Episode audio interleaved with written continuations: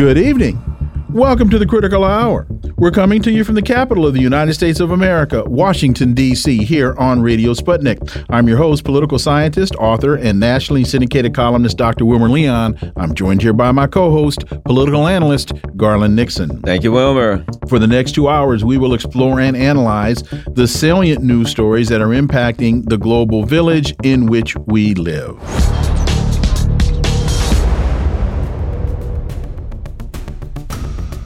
Well, it's now being reported the judge sets start date of March 4th for Trump's federal election interference trial.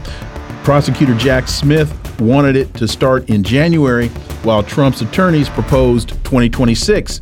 The federal judge overseeing the prosecution of Trump on of uh, conspiring to overturn the 2020 election set a trial date for Monday for early March 4th, rebuffing Trump's proposal to start it or push it off till 2026. The decision by Judge Tanya Chutkan to start the trial amounted to an early victory for prosecutors who had asked for January 2nd, but it potentially brought the proceeding into conflict with the three other trials that he's facing.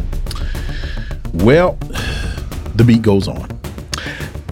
Now to our first guest. There's an interesting piece in Truthout entitled Georgia RICO charge against Trump is broader than federal January 6th indictment.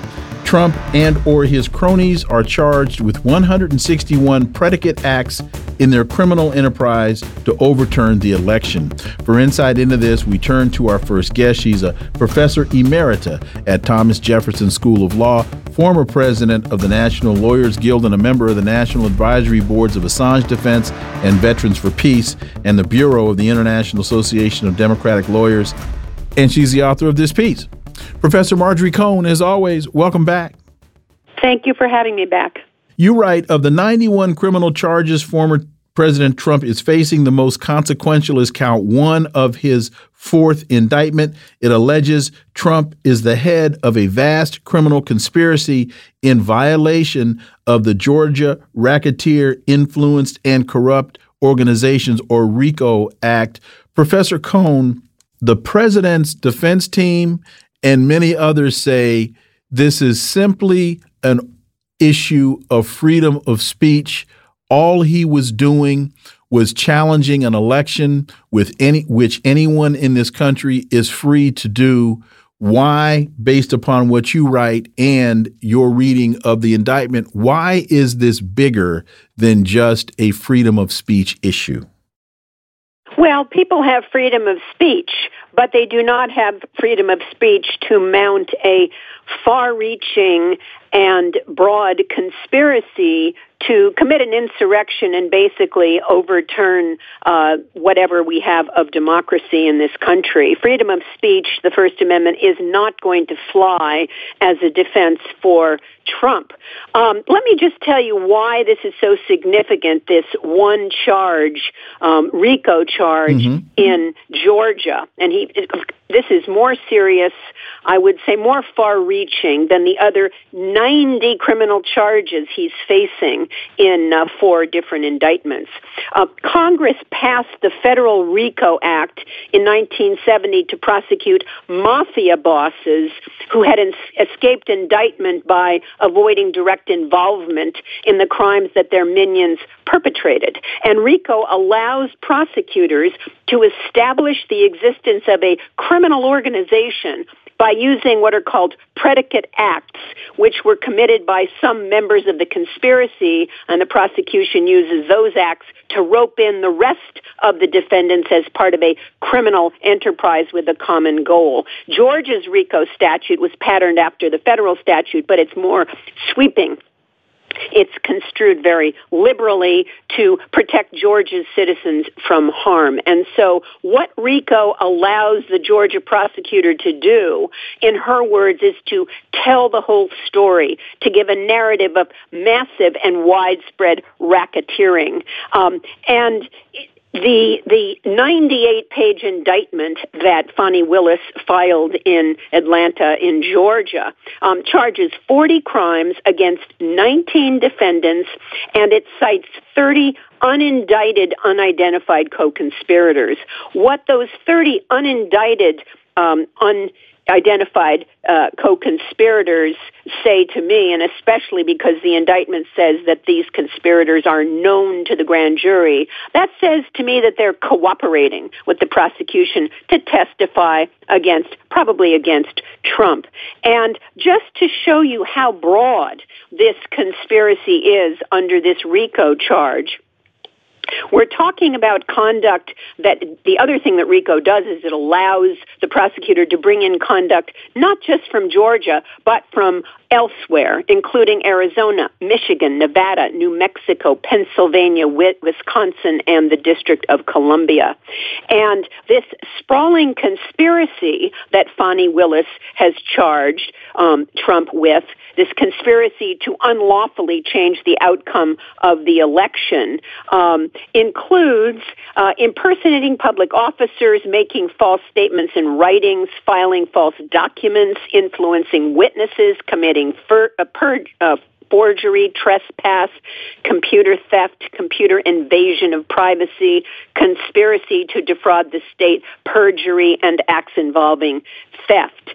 And it includes Trump falsely declaring victory on election night, which he had planned to do long before the election, um, making false statements about widespread fraud, which he had been doing for months before the election, and, pre- and pressuring then Vice President Mike Pence to count just some of the electoral votes and return the rest to state legislatures. Now, Mike Pence, as right wing as he is, um, knows that the Constitution does not give him that power. And also, these defendants falsely claimed that large numbers of felons, underage people, dead people, unregistered and illegally registered people voted in the election. And they made false claims about election workers. For example, um, one of the racist um, allegations, I, am not saying the allegation is racist, but an allegation that um, smacks of racist behavior is that the defendants harassed and intimidated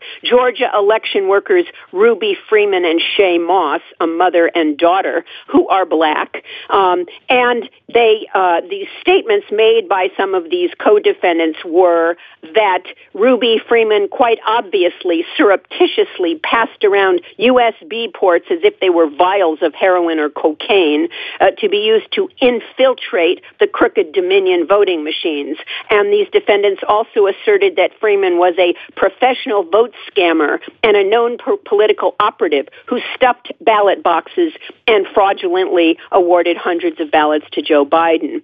Now, Giuliani admitted that the statements he made about Freeman and Moss were false um, because they filed a federal defamation lawsuit against him, and uh, Giuliani swore that in in response that he had made false statements.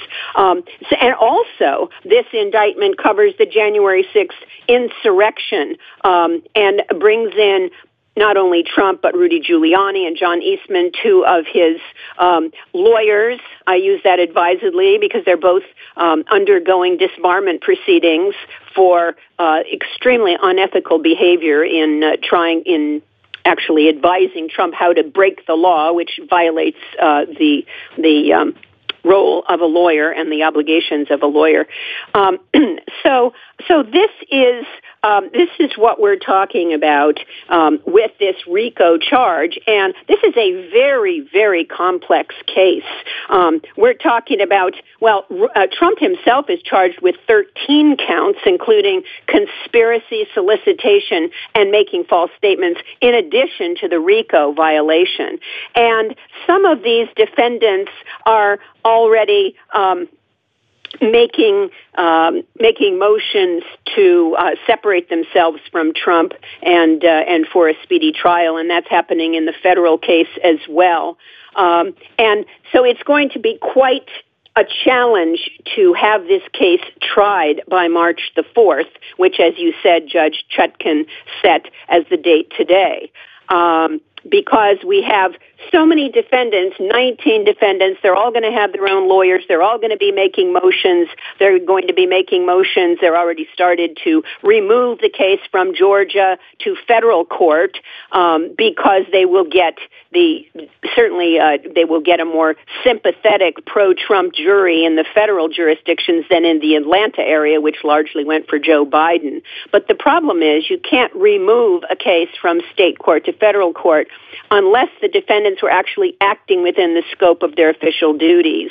And the January 6th defendants who have already come to trial made this issue um, this an issue and actually raised um, tried to get moved to federal court, and judges have said no because you were not these federal officials um, and you were not acting within the scope of federal duties. And I think that, well, it's not clear. It depends upon the judge and how the judge rules. Um, but I uh, I don't think that J- Judge Chutkan, who is uh, not uh, enamored with Trump, and, and that that's pretty clear. Um, she was, I believe, an Obama appointee. Um, I don't think that she is going to. Well, it, it's actually not up to her. It's up to a federal judge to decide whether or not Trump and his minions were acting within the scope of their federal uh, duties when they uh, planned this insurrection, this attempted coup d'etat.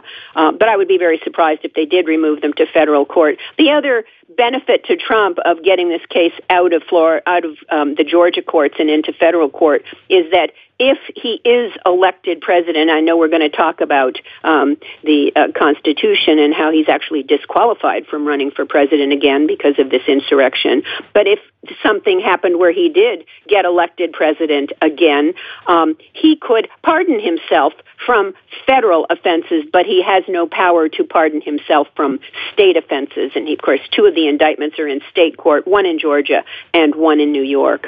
So I will say, as much as I love you and everything you do, we're on opposite sides of the fence here. Because I, as I see this case, if Donald Trump truly believed that he was robbed, there ain't no case here. And uh, in, not well, true. well, well this is. well, let me give you. Let me give you my perspective. Okay. I believe now, whether or not it was true or not, that Donald Trump believed that he was robbed. There are millions of people that believe that he was robbed. There's a lot of things that you say here about dead people voting. There are a lot of people, even now, I'm not saying it's true. My point is, there are a lot of people who believe these things, and I believe Donald Trump is one of them. And in my opinion, looking at this, looking at the fact that how the laws, the rules, everything has been manipulated to go after Donald Trump, I simply think the system doesn't want Donald Trump to be the president, and the system is going after him, and they will charge him with mopery on the high seas and snatching a mattress tag off if they have to to stop him. I think that's the case, and I think it's unjust. Well, I think you ought to join John uh, Donald Trump's legal team because you're making all of those arguments. Um, have you read all four indictments against him, um, which are under penalty of perjury? The factual allegations against him, hundreds and hundreds of pages of state and federal crimes. Have you read those indictments? No, I haven't read them all. Uh, but I know, well, but, I but I don't, there, there's more coming. They'll just keep coming. They New York, Washington. There's the more subject. and more coming. That's Changing my point. The subject. I think you ought to read those indictments because where did you watch the insurrection on television? I don't think it was an insurrection. I think you it was a bunch of lunatic idiots wandering around the Capitol. What do you think it was? They weren't, I don't think it. They didn't. How are you going to overthrow the uh, the the uh, the government with a bunch of people wandering around like uh, dressed up like they're at a football game? It doesn't make sense if to me. We, we have one minute, Mar- Marjorie. If they if the social if the if the Secret Service had not um, taken Mike Pence away, he would have been hung. I don't he would that. have been killed. That crowd wanted to kill him, and it was. If, if people can judge for themselves. People who are are listening, if they they watch television, which I think a lot of people do, that Trump and his minions, Eastman and Giuliani, uh, said, you know, fight like hell, go down to the. Uh, to the uh, Capitol and stop that uh, that vote count. And he said is, peaceful, which is attempted insurrection. But, but he said, nevertheless, he nevertheless, said peaceful and patriotic. He he literally used the we word have, peaceful. We have ten we have ten seconds. Let and uh, Professor Cohn, as always, thank you so much for your time. Let's we we'll pick this up. Okay, uh, we'll pick this up uh, at another day this week. We'll work that out with your schedule. Professor Cohn, thank you so much for your time. Stay with me, please, Professor Cohn. And uh, we look forward to having you back. Thank you so much. Folks, you're listening to the uh, Critical Hour on Radio Sputnik. I'm Wilmer Leon. I'm joined here by my co host, Garland Nixon. There's more on the other side. Stay tuned.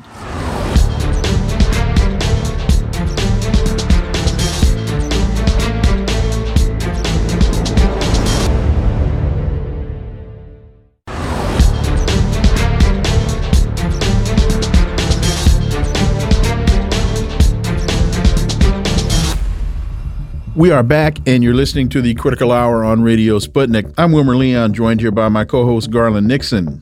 Thank you, Wilmer. Consortium News has a piece by Vijay Prashad. The people of Niger want to shatter resignation. Most countries of the Sahel had been under French rule for almost a century before they emerged from direct colonialism in 1960, only to slip into a neo-colonial structure that largely remains in place today. Each time the people of the Sahel rise, they have been struck down. This was the fate of Mali's president Modibo Keita, thrown out and jailed until his death in 1977, and the great president of Burkina Faso, Thomas Sankara, assassinated in 1987. It is the sentence that has been levied against the people of the entire region. Well, how does this history factor into what we see happening right now in Niger? Well, for insight, let's turn to our next guest. He holds the John J. and Rebecca, Rebecca Moores Chair of History and African American Studies at the University of Houston. He's one of the most prolific writers of our time. His latest book is entitled Revolting Capital Racism and Radicalism in Washington, D.C., 1900 to 2000. Dr. Gerald Horne, as always, sir, welcome back. Thank you for inviting me.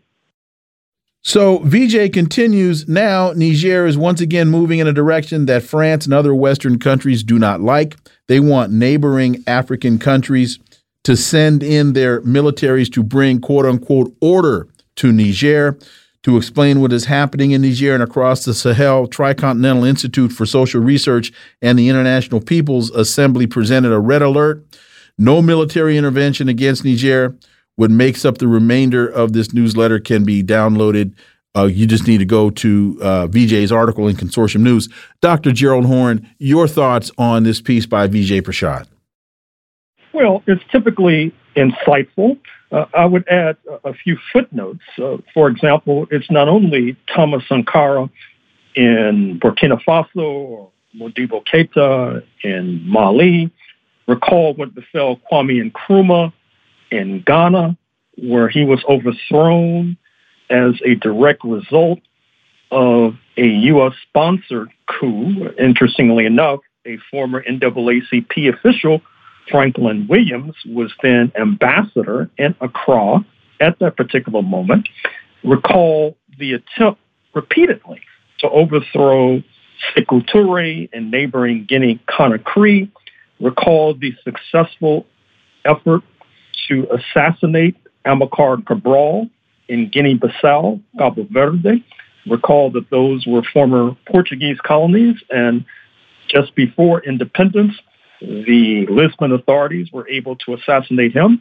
Recall what happened in the what is now the Democratic Republic of the Congo some 60 odd years ago when Patrice Lumumba, the founding father, was assassinated. In fact, uh, Larry Devlin, not Devil, the then head of the CIA branch in Congo, uh, confessed openly in a memoir that he was involved in the killing of Patrice Lumumba. Now, this is a matter of public record. What happens, of course, is that when you have successful efforts to assassinate or otherwise destabilize leaders who are interested in redistributing the wealth, that oftentimes creates an ideological vacuum. What happens as a result is that oftentimes the only institution that is able to fill the political vacuum is the military. And so therefore, after Nkrumah's killing, you saw the rise of, Flight Lieutenant Jerry J. Rawlings, uh, who pulled off a coup and ruled the West African nation for a number of years. We saw that after the assassination of Patrice Lumumba, the vacuum was filled by the kleptocrat Mobutu Sese Seko, or otherwise known as Joseph Mobutu. And we see that throughout the Sahel, uh, you've not only seen the rise of the military to try to fill the vacuum, you've also seen the flourishing of religious zealots, uh, not least in certain parts of Burkina Faso, not least the fact that the zealots are spreading their wings in northern Nigeria, which brings us to the neighbor of northern Nigeria. Speaking of Niger, uh, you know that the authorities there have given the French ambassador marching orders that he needs to leave town sooner rather than later. He has refused. He says that uh, the regime does not have the legal authority to order him to leave, so he's staying put. As a result, they cut off water and electricity uh, to his diplomatic compound. Of course, France may see this as an opportunity to find a rationale or justification for military intervention in conjunction with the supine ECOWAS, the Economic Community of West African States, led by Nigeria. And as we've said more than once on this program, uh, their leader, President Tinubu, is under fire from Washington uh, because of various indiscretions and peccadillos stretching back to his tenure as a student at Chicago State University in the 1970s when he was accused credibly of being involved in money laundering and drug dealing. That, in fact, might lead to his being forced out of office in Abuja. So the struggle continues in Africa, but I'm happy to say that uh, the African Union has sought to pour cold water on the idea of an armed intervention uh, in Niger. And as well, we need to keep a close eye on the North Atlantic countries because they're getting downright hysterical right now about the rise of the BRICS and what the BRICS may portend for their uh, rapidly slipping hegemony. The fact that BRICS will be meeting next year in Russia, and that unlike the meeting in South Africa, there will be a full complement of leaders there. There will probably be others invited to the table. And with regard to the BRICS plus six, that is to say, the United Arab Emirates, Saudi Arabia, Iran, Egypt, Ethiopia, and Argentina, uh, the ascension of Saudi Arabia, which is a real coup uh, for the BRICS, is a direct result of ham-fisted North Atlantic policy. Recall that it was not so long ago that the North Atlantic countries were boasting and bragging about how they were going to put a price cap on Russian oil, thereby strangling the Putin regime in Moscow. But the oil producing countries led by Saudi Arabia took issue with that because they saw that as a naked attempt by the consuming nations to seize pricing power from the producing nations. And so shortly after that, you saw Saudi Arabia accede to a Chinese sponsored effort to broker an entente with their erstwhile antagonists. Speaking of Iran, Iran, of course, I should have mentioned, will also be joining uh, the BRICS. And likewise, you see Iran tightening its relations with both Russia and China, tightening its relations with the Shanghai Cooperation Organization, which is seen widely as a kind of counterpoint to the U.S. dominated North Atlantic Treaty Organization. I say all this to say that many in Washington and elsewhere in the North Atlantic, they see the writing on the wall. Uh, they see how Saudi Arabia is seeking to elude their grasp thereby eroding the so-called petrodollar. Uh, this deal brokered some decades ago, which said that oil uh, should be purchased in dollars, which was basically a gift to Washington and Wall Street. And so this beast is oftentimes most dangerous when it's cornered, and it is cornered precisely. Um, that leads us right into another uh, great article, NATO, the imperialist war machine. Because, you know, recently we know that France has been making a lot of noise about attacking Niger. In fact, we hear that um, the Algerians refused them the rights to fly over their country to bomb Niger. And of course, uh, you know, France has been part of this war machine in Afghanistan, et cetera. Your thoughts on this great article in the Orinoco Tribune, NATO, the imperialist war machine? Well, it's it's very striking, is it not, that on the front page of the New York Times today, is an article about former French President Sarkozy, who not only is facing charges going back to the Gaddafi regime in Libya and the allegation credibly made that he was receiving money under the table uh, from Tripoli, and that led to his spearheading the attack on Gaddafi. Dead men tell no tales, after all. But now, of course, he's facing criminal charges as a result. And interestingly enough, he's backtracking on Ukraine, which has led to this attack in the New York Times. I think that that not only bespeaks the shattering of the illusions about weakening Russia by basically uh, turning Ukraine into a, a military base against Moscow, but it also reminds us of how the attack on Libya in 2011 uh, was a turning point. Uh, it obviously alienated uh, South Africa.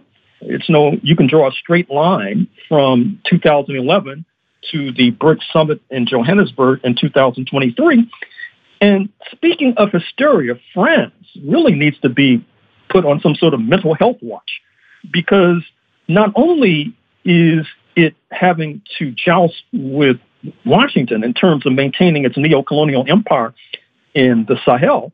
Uh, note that as the French ambassador is being forced out, a U.S. ambassador uh, has arrived. Uh, there were raucous demonstrations at the French military base in Niger. No such demonstration at the uh, U.S. base in uh, Niger. And interestingly enough, uh, I don't know if you well informed gentlemen have been talking about the recent uh, statement from the Minister of Foreign Affairs in Canada, who suggested that if the United States keeps moving to the right, Canada will have to reorient its foreign policy. Might have to reorient its domestic policy as well, because it talked not only about a stream of refugees coming into Canada post November 2024, but also it made references, uh, rather barbed references, to the so called truckers' convoy, the uh, attempted uh, takedown of the Trudeau government that, according to the foreign ministry, had assistance from forces close to Governor Abbott in Texas and Governor DeSantis in Florida. But what's striking is that uh, there was talk about reorienting Canada's foreign policy, which leads to a reorientation towards France.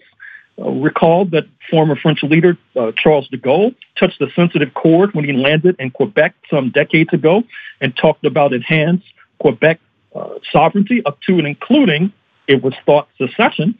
And I should point out the very curious episode that took place when Mr. Macron arrived in Washington just a few months ago after uh, he was, apparently alienated because Mr. Biden had elbowed him aside and scooped up a multi-billion dollar submarine contract from Australia. Mr. Macron and his spouse chose that time visiting the United States to visit New Orleans of all places, which you may recall before 1803 or so was under French jurisdiction. So we're having a reshuffling of the deck with regard to the North Atlantic countries. The last time we had a similar reshuffling was in 1989, 1991 with the disintegration, if not erosion, of the socialist camp, the breakup of the Soviet Union. However, the worm has turned and we may be facing a similar uh, catastrophe, if you like, in the North Atlantic bloc. We have just about a minute and a half left. U.S. Senator cheers hurting Russia at cost of only Ukrainian lives. We're losing no lives in Ukraine, and the Ukrainians are fighting heroically against Russia, Mitt Romney said. So we are diminishing and devastating the Russian military for a very small amount of money. Gerald Horne.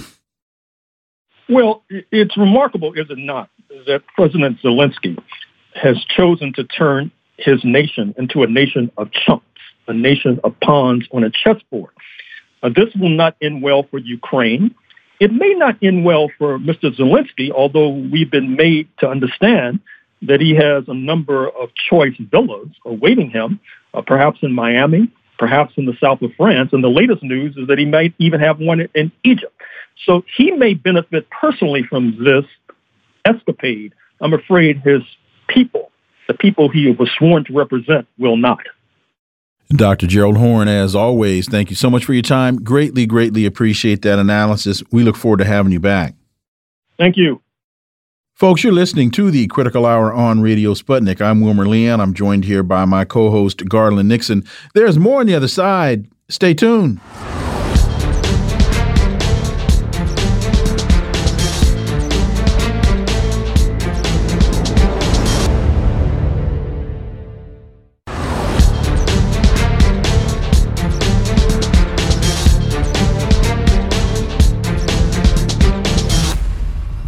We are back, and you're listening to the Critical Hour on Radio Sputnik. I'm Wilmer Leon, joined here by my co host, Garland Nixon. Thank you, Wilmer. The Hill reports Ukraine claims liberation of key southeastern town. Ukraine claimed earlier today its forces had liberated Robotyne, a key town in the eastern front that Kiev has failed to fully seize for months.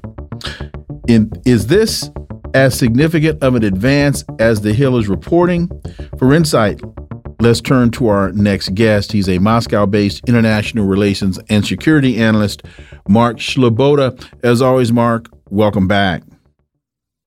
Dr. Leon Garland, thanks for having me. And let me correct myself, it's Robotyne, not Robotyne. Please forgive that mispronunciation. So the Hill posits holding the town could give Ukraine the momentum it needs to push deeper into the uh, Zaporozhye region as its forces inch toward their main objective of crossing through thick Russian lines toward the Sea of Azov. Mark, have has uh, Robotyne been liberated, and is this as significant as the Hill makes it out?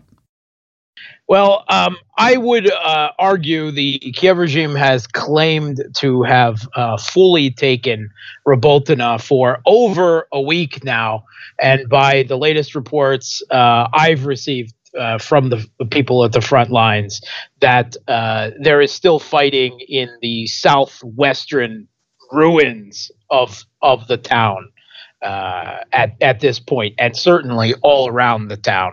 Uh, I would say that uh, they may have uh, control of the ruins of the north part of the town, but I would suspect that the rest of the town is actually in the gray zone. That neither side has firm control of it. But the fighting in Robotyne and in the surrounding area, particularly to the southeast, um, is massive. This there is a massive conflict. Sometimes, you know, tank on tank conflict. Uh, you know, but but large numbers of manpower and artillery uh, and everything on both sides.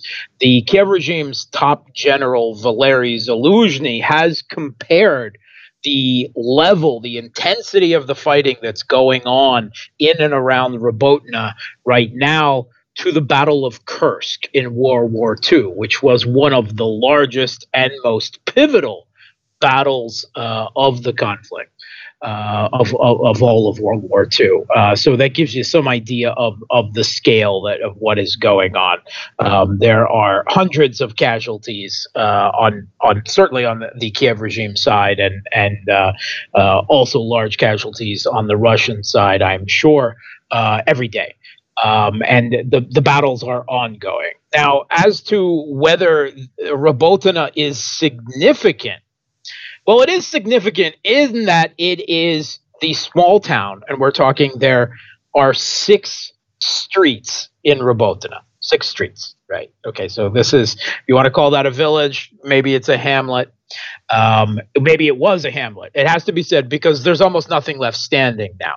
For three months, the Kiev regime has been batting, battering their head against Robotyne. Three months with all of their NATO training, all of their NATO um, uh, weapons, um, and uh, it's right. It's the settlement literally a few kilometers right in front of their main launching pad of their offensive, of their primary axis of their offensive.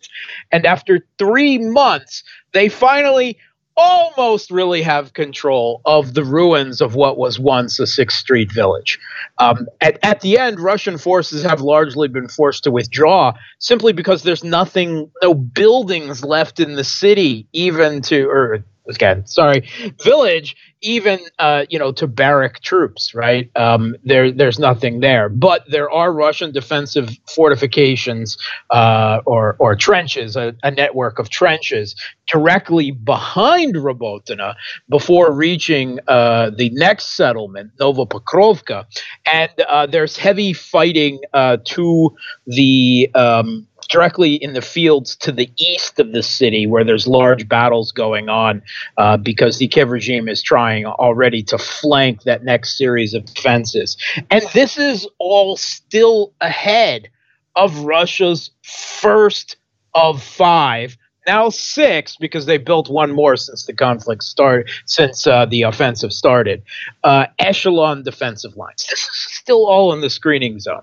So to claim that this is significant, uh, it's significant in that they've been beating their head against this tiny village for six months and finally have at least destroyed it, forcing a Russian withdrawal. There's no buildings really left standing. Um, and uh, I mean, it's not a logistical hub. It's nothing important in any way other than that. Uh, and they've still got so much more to go. Uh, and with the attrition, the casualties, and both manpower, um, uh, vehicles, and and I think perhaps most importantly morale that they've suffered thus far, I can't see that this is going to achieve them any great degree of momentum. I think they might take the next uh, village or two, given a final, you know, a few weeks of their offensive, uh, and then they'll hit Russia's first defensive line, and that will be it they they won't get any further than that. Uh, the uh, they'll be out of ammunition, they'll be out of manpower, they'll be, uh, their vehicle uh, count will be very low at that point, and the the whole offensive will be uh, the primary axis of it will be completely exhausted. And and we know this because the Kiev regime last week, in order to make this final push and and claim a victory over Robotyne, they put into uh, the battle into battle the last of their NATO trained reserves, um, the. Uh, 82nd and the 46th Air Assault Brigades.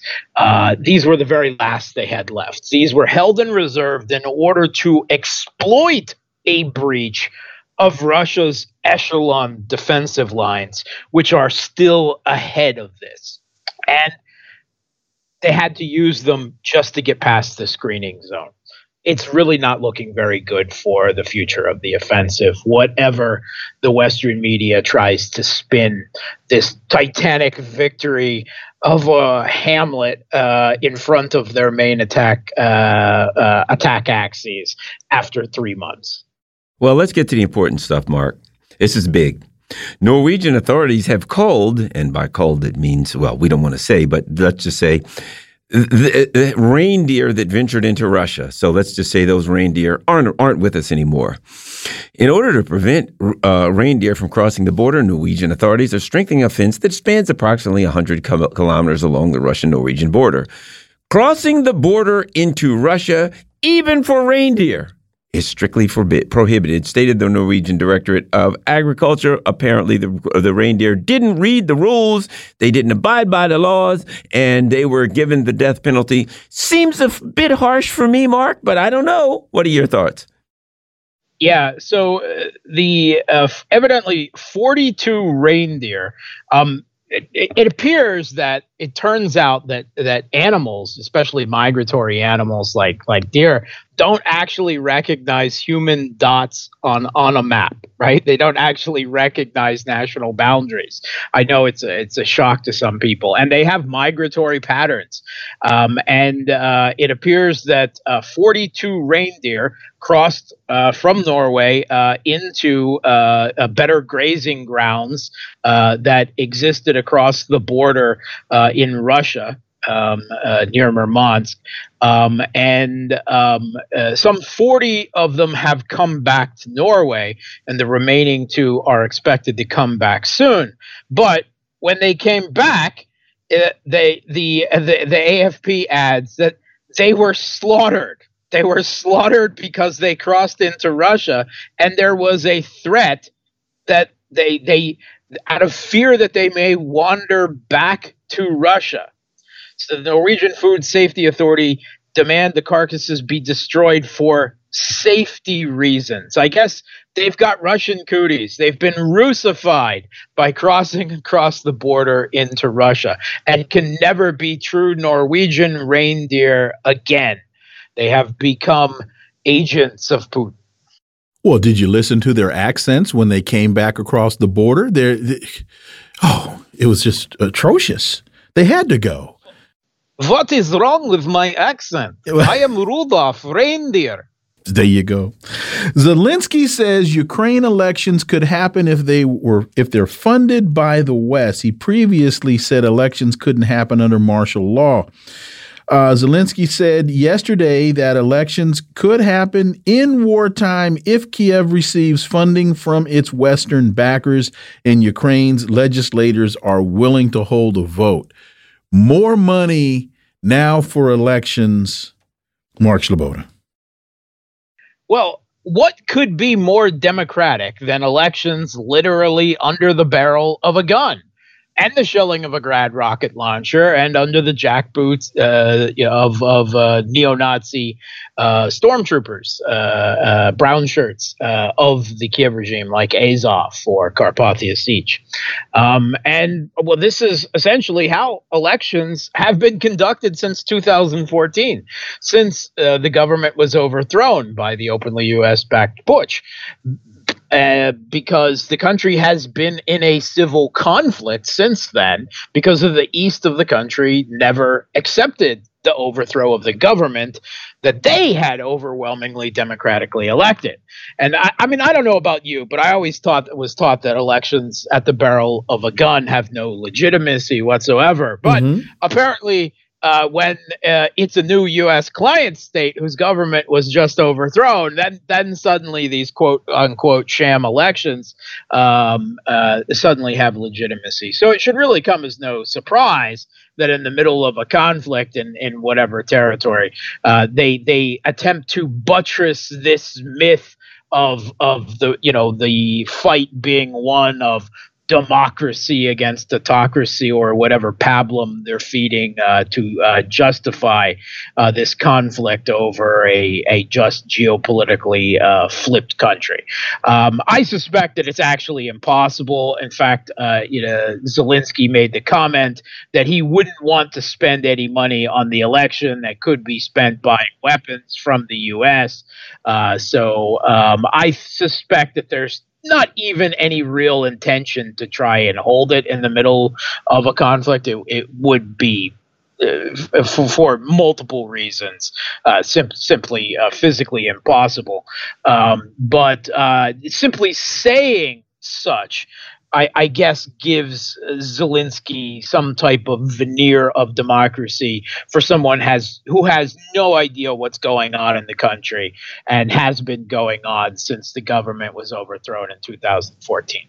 Well, Garland, if um, Lockheed Martin made voting machines, then I'm oh. sure that there'd be oh, a yeah, whole lot of yeah. voting machines to sell. And they'd already have the votes in them when they delivered them. well, aren't they supposed to? Senior U.S. Well, there's really there's no really no problem holding an election when you've banned all the opposition parties and all of the critical media in the country. There's not any po really political risk to holding it. You know. Senior U.S. officials expect to back Ukraine against Russia into next year and beyond. Despite the faltering counteroffensive, the Biden administration is not considering diplomacy. Well, Mitt Romney just said it recently. Hey, man, this is great. There's Ukrainians dying everywhere, and it just cost us a few bucks. Eh, that doesn't seem like a nice thing to say. Anyway, your thoughts, Mark? Yeah, um, I, I, this is no surprise. Um, I suspect there will be a slowdown in the amount of military aid uh, that the U.S. and its allies send Kiev next year. Not any out of any lack of, of political will, but simply because uh, they've reached uh, uh, many limits of what they can send. I mean, uh, that are useful to the Kiev regime for this conflict.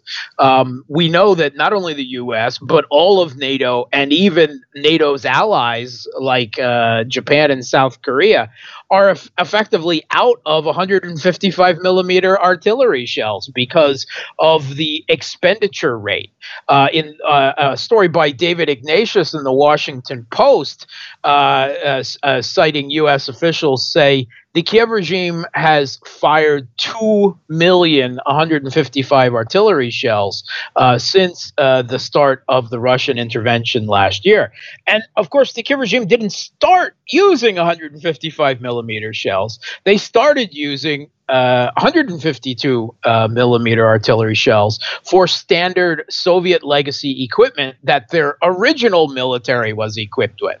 But all of those artillery pieces and artillery shells were also fired on top of the 2 million uh, uh, NATO 155 millimeter artillery shells. Uh, so they'll keep giving what they can, but mm-hmm. they're running out of a lot of essentials. Mark Sleboda, as always, thank you so much for your time. Greatly, greatly appreciate that analysis, and we look forward to having you back. Thanks for having me. Folks, you are listening to the Critical Hour on Radio Sputnik. I'm Wilmer Leon. I'm joined here by my co host, Garland Nixon. There's more on the other side. Stay tuned.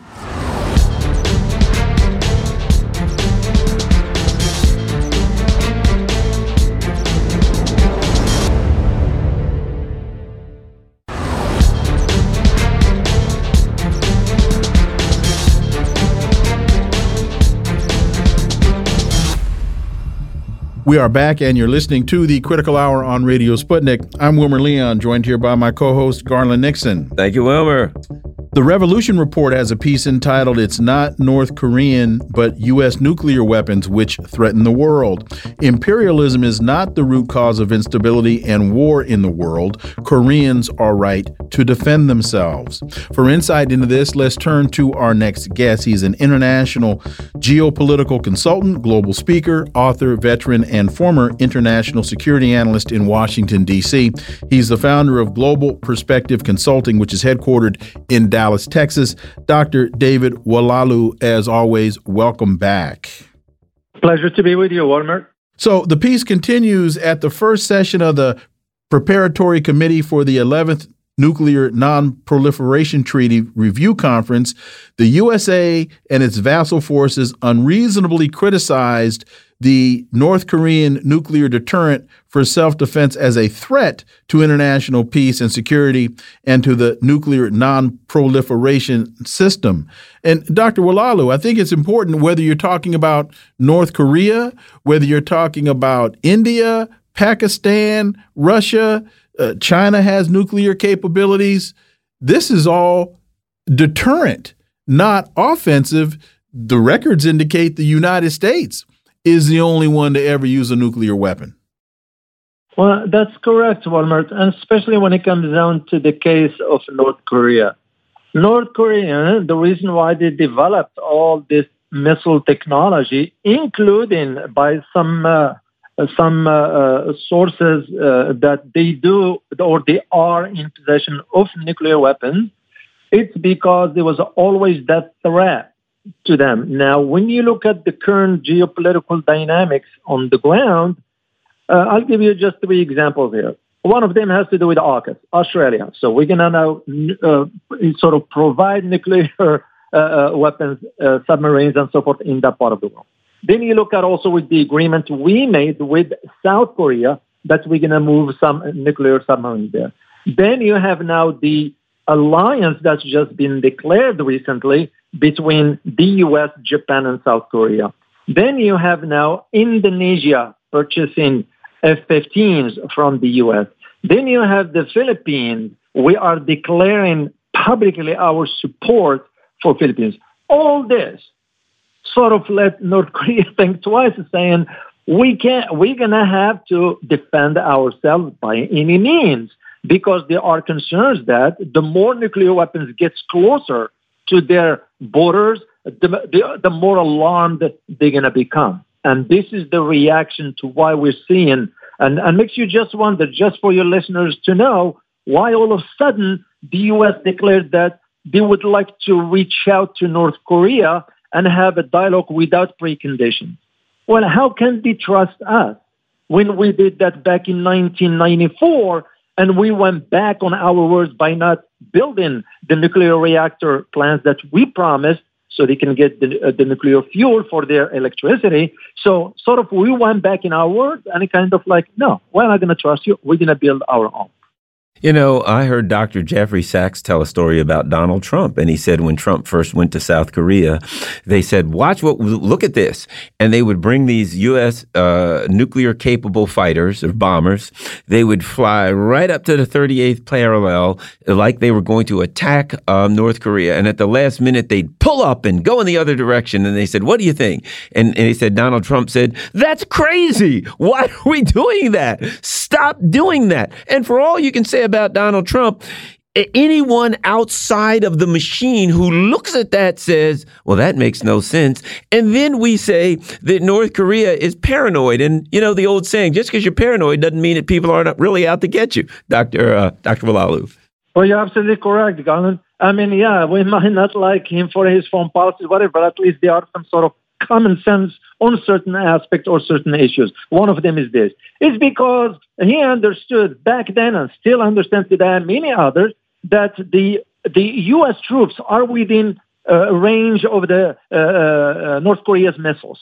Should we ever, and this is one of the reasons why we never attempted to conduct any, for, for example, military acts or special acts that is in North Korea or any of that kind of source of activities because we know North Korea does not blast. There's a very interesting piece in Counterinformation History Obstacles to the Peaceful Reintegration of Taiwan into the People's Republic of China. It's an interview with author uh, Ling Chow. And talk about this because in the Western press, there's all this discussion. Well, we had a one China policy once upon a time. It is still the stated policy of the United States, but we don't seem to follow it. But th but there's no real discussion about the political dynamics in reality between China and Taiwan. That's true. I mean, we still have the sort of on, on the paper, the policy of one China policy. We still recognize it, but do we adhere to it? Uh, given uh, given the recent development of what we are doing, I don't think so. So it's just on the paper. And yes, the I read the article. It was very very insightful, very informative, especially when the author mentioned the, the book, and I'm very familiar with it by uh, by uh, the the uh, William Blum, the book about killing hope, U.S. military and CIA interventions since World War II. It's it's a spot on. And the Taiwan issue represent or reflect this reality. I mean, you look at it just recently now that we're going to be sending more weapons, more money to Taiwan to train them and so forth. Uh, uh, g- given the latest one that I'm familiar with is that Taiwan now proposes spending $3 billion to buy new weapons by the United, from the United States in 2024. Well, that suggests to me that we're already pushing uh, that narrative towards that direction, but also wanted to foment more tensions regarding that issue because I believe that's where the next conflict is going to be. Well, additionally, you know, I think this is an important article. It can be found at counterinformation.wordpress.com. And it's also history, obstacles to the peaceful reintegration of Taiwan into the People's Republic of China. I think people should read this. But it gives a historical context. And, you know, it's just like Ukraine. What we're fed in the media is it started in February. Most of these, I mean, you could go Ukraine, you could go back to the 50s, you could keep going back. The same with Taiwan. You could go back to China, to, to Japan being there. You could go on and on. And in order to understand these conflicts, you need a historical context. And that's, it seems to me that the neocons, that the warmongers in the U.S. push against this this historical understanding of how these particular conflicts came to be, Dr. Oualaalou? Well, that's true. I had a conversation once with Professor Ken Hammond, one of the, the top scholars in when it comes down to the Chinese history, someone I trust. And I invited him on, on, my, on many occasions, and I conversed with him privately. So, uh, and, and he always stressed that to me. He said, David, the problem we have in the U.S. is we don't put the historical context when it comes down to these issues. This is why you have policymakers not understanding the depth of the historical ties between uh, in that part of the world for them to understand the realities of today. And and and this is where I see this kind of po- politicians in Washington just pushing the narrative uh, to justify you know, they're more spending, more military spending, and so forth. And we all know at some point it's going to reach the dead end, and it will be a pushback. And in this piece, they they asked the question a, a, number of different times about a number of different places. How it how would America respond if another country came in and did the things here that we're doing there? How would how would the United States feel if China went into Hawaii and and and uh, what's the what's the term they use here? Met with the I'm, I'm drawing a blank on the name here, but anyway, met met with the organization with the uh, uh, how would how would uh, the United States feel if uh, the, the the the Hawaiian sovereignty movement and and for those who don't understand how the United States got the Hawaiian Islands, which were formerly the Sandwich Islands, uh, we just went in and took them. So you know, or Puerto Rico, for example. Uh, how would the United States feel if you know, we we know about the Cuban Missile Crisis, and and we just had issues now with China building allegedly building some kind of facility in Cuba. So whenever you ask somebody that question, first you get a blank look, and then the answer usually is, "Well, it's okay because we're America." So American exceptionalism factors greatly into the analysis that that most Americans unfortunately have. Yeah. Well, you look at no further than the latest uh, development that took place in Alaska when Russians and Chinese naval vessels mm-hmm. were crossing through international water and how bloody scream loud we were about it. And yet they were on international water because the standards is about the 12 nautical miles and so forth. It just, we didn't even like the fact that they are in Alaska on international waters. So they, they got they got too close to the Aleutian Islands. I think is what is what the what the that report is correct. Was. Right. That is correct, Walmart. It's just the idea to highlight your point is you know sort of what gives us the right to do it over there, but we can't do it over here. So it's kind of but but a reality is now the the the uh, the unipolar system is changing whether we like it or not, and uh, we're going to have to change with it.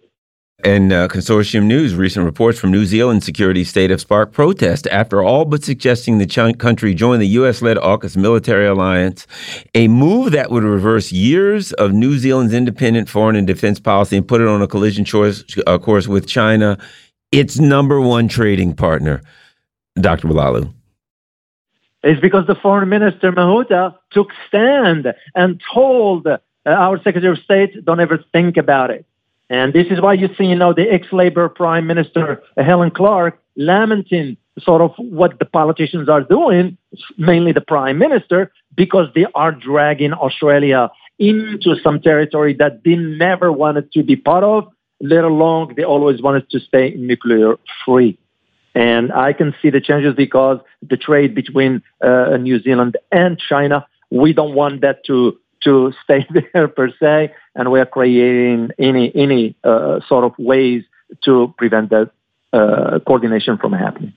Dr. David Oualaalou, as always, thank you so much for your time. We greatly, greatly appreciate that analysis, and we look forward to having you back. My pleasure. Folks, you're listening to the Critical Hour on Radio Sputnik. I'm Wilmer Leon. I'm joined here by my co host, Garland Nixon. There's another hour on the other side. Stay tuned.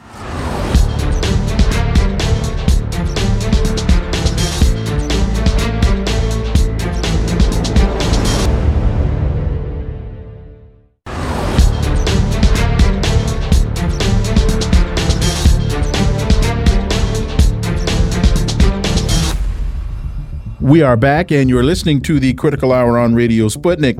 I'm Wilmer Leon, joined here by my co host, Garland Nixon. Thank you, Wilmer. Al Mayadeen English reports armored vehicles vulnerable to West Bank IEDs, according to the Israeli army.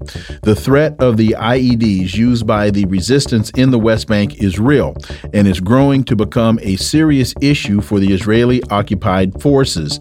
They have become vulnerable targets even when traveling in armored vehicles. This is according to an admission by the Israeli army that came out earlier today.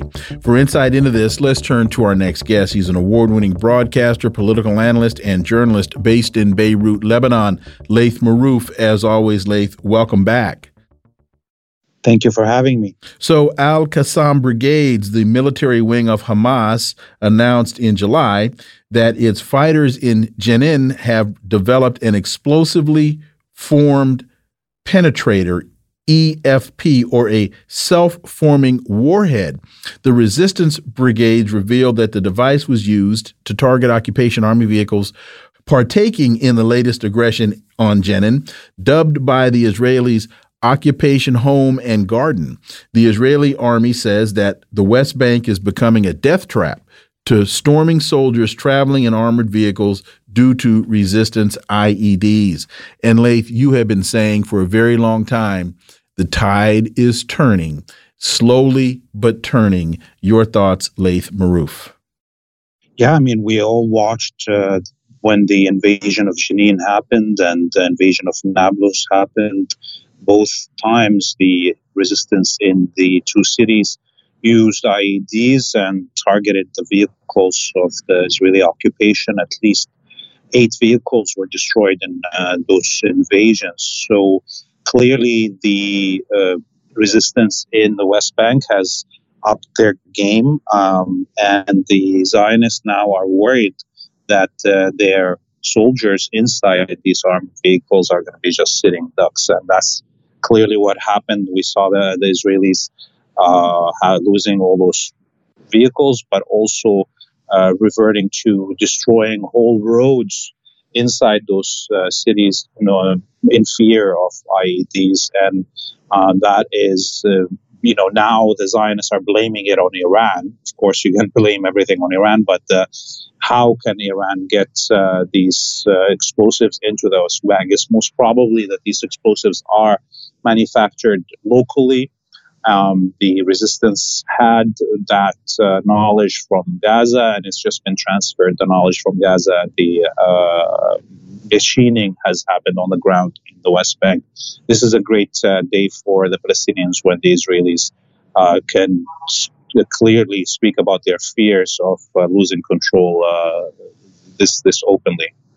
Uh, you know, it also, to me, it kind of is a kind of a metaphor for the world in that the U.S. empire is extremely powerful, but some countries that aren't quite as aren't nearly as powerful due to um, technology. Take North Korea; they've got nuclear weapons, so the U.S. can't invade them and overthrow their government. Iran has, is now in you know indigenously producing highly technical and capable weapons, which makes it you know the United States empire uh, reticent about uh, tangling with them. So it's kind of a metaphor for what's going on in the world in that smaller nations, groups, etc., are getting technological advances and making it more difficult for the military power, militarily their militarily powerful adversaries to dominate them in the way that they previously have. Laith.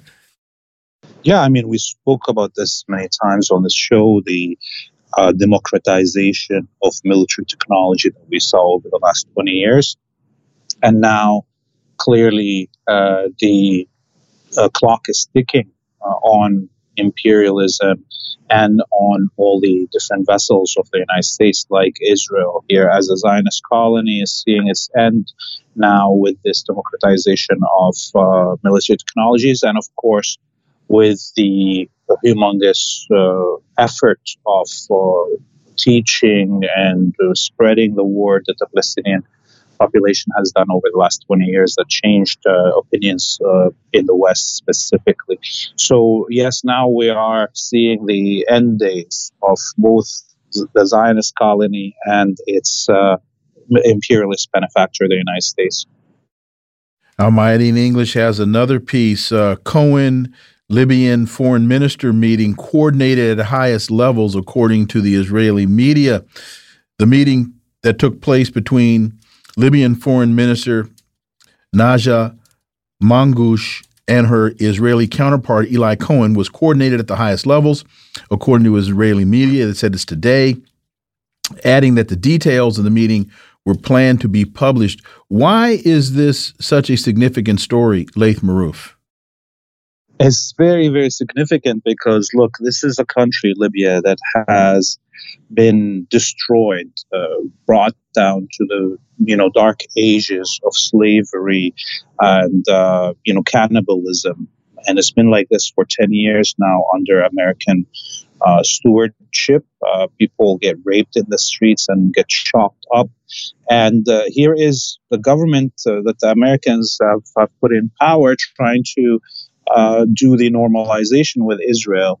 And within minutes of the stupid Zionist media outing their tools in Libya in such ways, those same population of Libya that has been living a decade of uh, mass rapes and genocide didn't fear a minute and left everything that they're doing and went out in the streets burning Israeli flags and burning pictures of the foreign minister and the prime minister of Libya.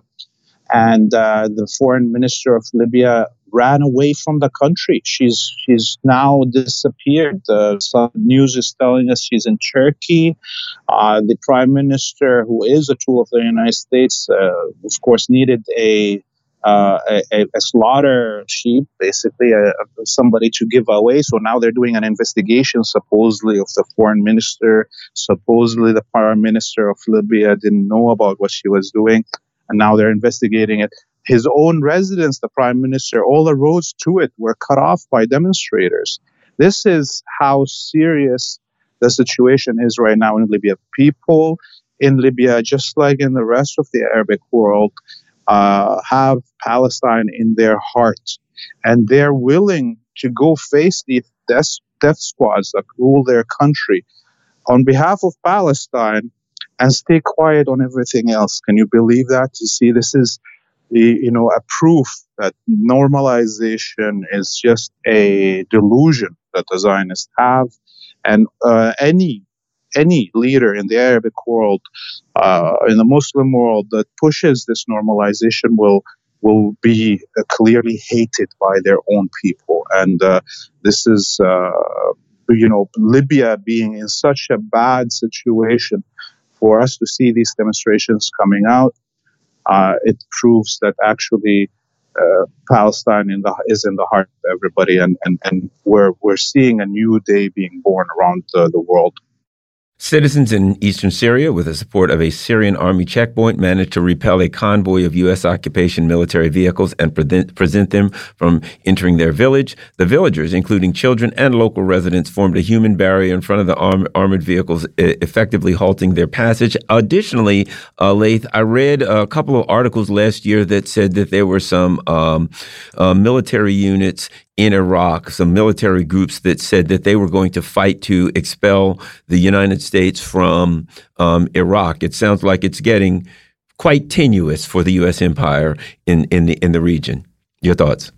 Yes, yes. I mean, look, the U.S. is for the last uh, three weeks has been expanding actually its presence in the Tanf uh, border zone between Iraq, Jordan, and Syria. It's also been expanding its presence around the oil fields and gas fields of ez-Zor and, and uh, build, building more um, defensive lines there. And uh, after this incident uh, of the uh, Syrian residents of Deir kicking out the American troops uh, from the road into their town, um, the SDF, the Kurdish Contras, the militias that the U.S. is in collusion with, uh, occupying the northeast, started attacking the residents of the ez-Zor and actually kidnapped, uh, called in some of the leaders of the ez-Zor's uh, tribes into a meeting into Hasaka and now kidnapped them. And now it's been, since uh, the morning, has been uh, firefights between, um, you know, the, these Kurdish militias and the Arab tribes of Deir ez-Zor. And this is clearly instigated by the United States that wanted to punish the local population of Deir ez-Zor for daring to stop them from uh, moving freely over their land. And, uh, you know, this is happening simultaneously as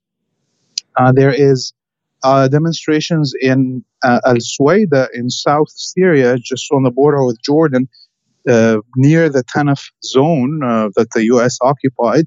There's been demonstrations for the last few days, and um, the Syrian military hasn't uh, moved into Suwaida and is trying to negotiate with the local Druze population and their leadership to figure out what is the issues and why these demonstrations uh, have happened. But clearly, the United States is trying to instigate as many fires on the borders of Syria between Jordan and Iraq uh, to cut off the ability of the Syrian government to have a normal relationship with its neighbors.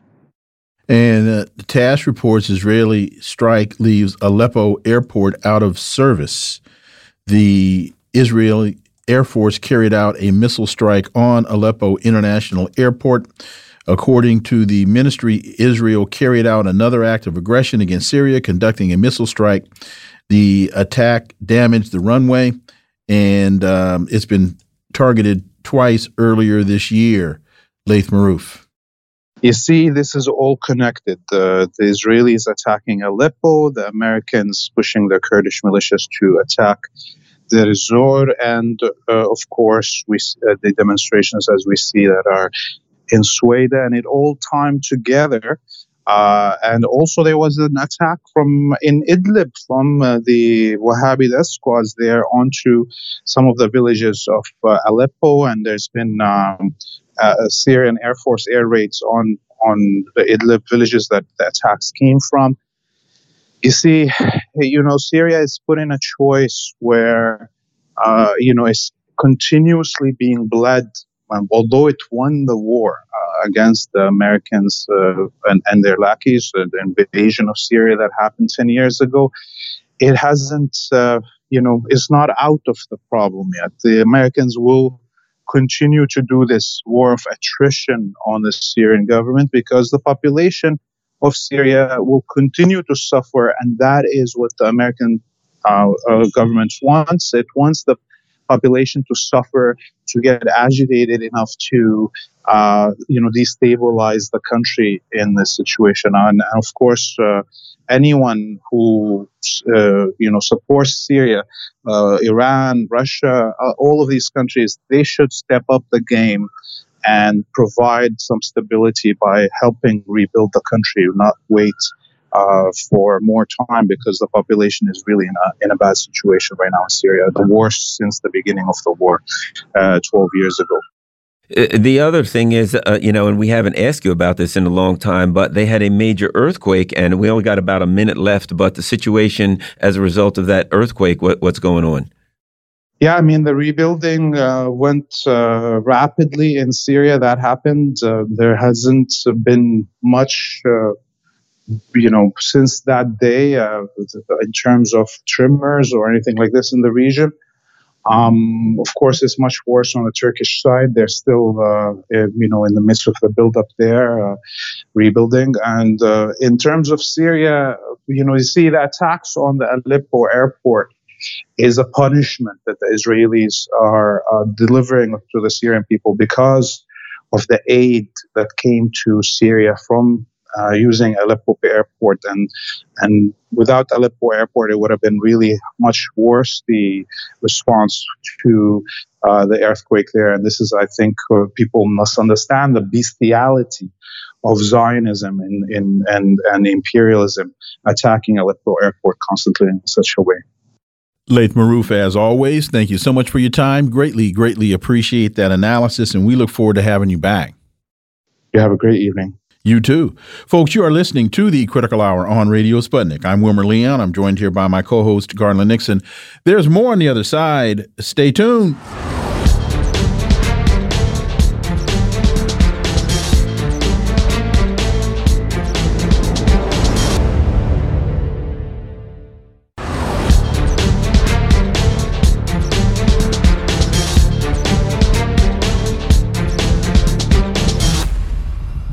We are back, and you're listening to the Critical Hour on Radio Sputnik.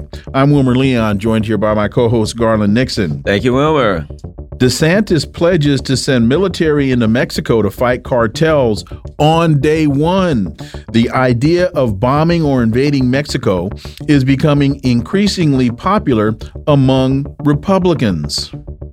Well, why is invading Mexico the cause celeb among Republicans? For insight into this, let's turn to our next guest. He's an author and two time Pulitzer Prize finalist and a Knight Fellowship recipient with more than 20 years of journalistic experience. He's a former Washington Post bureau chief and award winning foreign correspondent on two continents, John Jeter. As always, John, welcome back.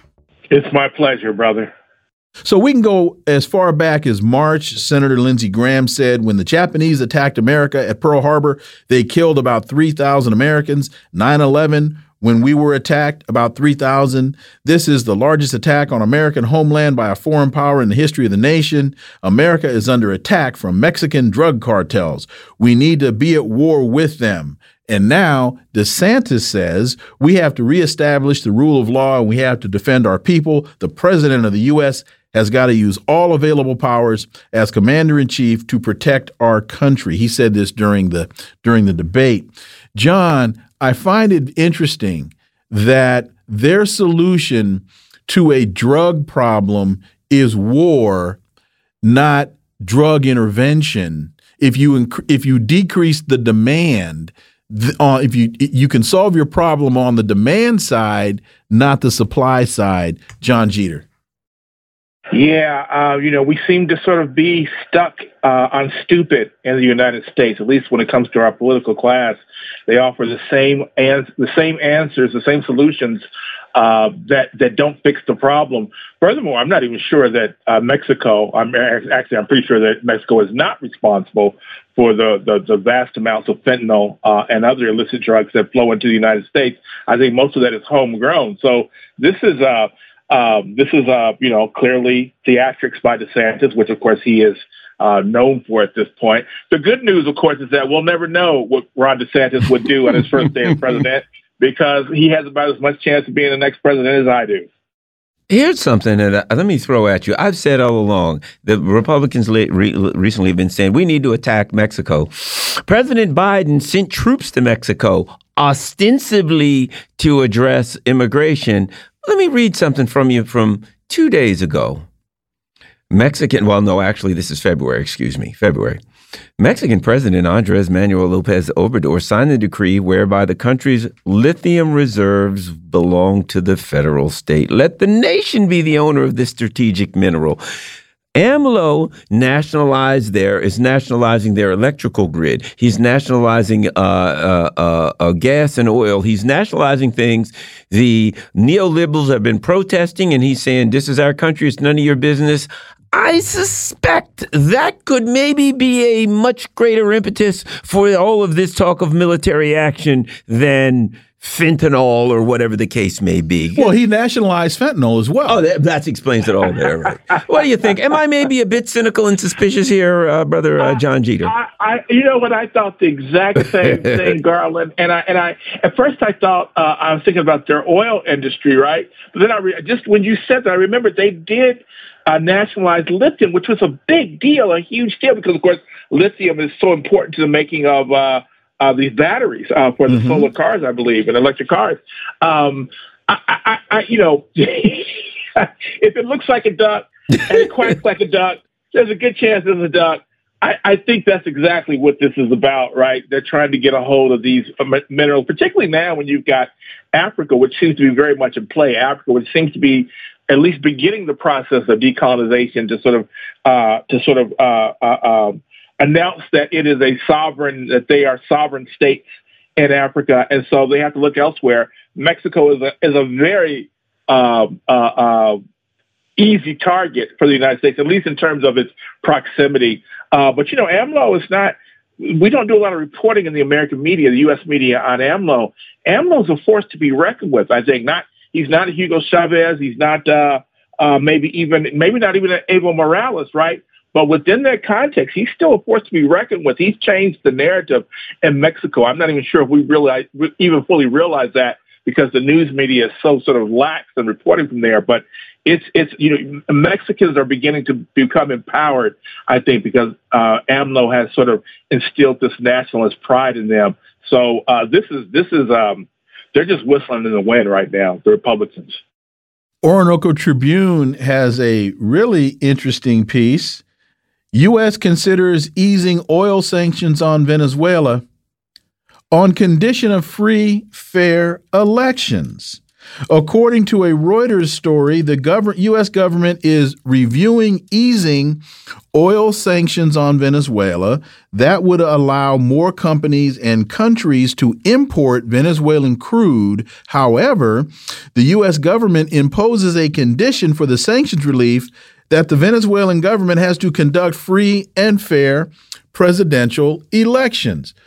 Now, John Jeter, I think it was Jimmy Carter that went to Venezuela. Yep came back and said these are the freest and fairest elections in the world. In the world. Uh, might I I, know. Add, might I add? I did the same Well, thing. well, oh, I- go ahead. Oh, go ahead. Go ahead. Go ahead. Let me get out of the way. Yeah, thank you. All right. Garland Nixon went to Venezuela. You won't even let me pay you a compliment.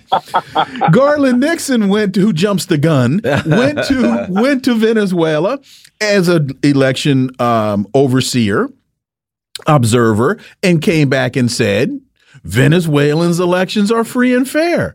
So they can they can they can export oil if their elections are free and fair, which they already are.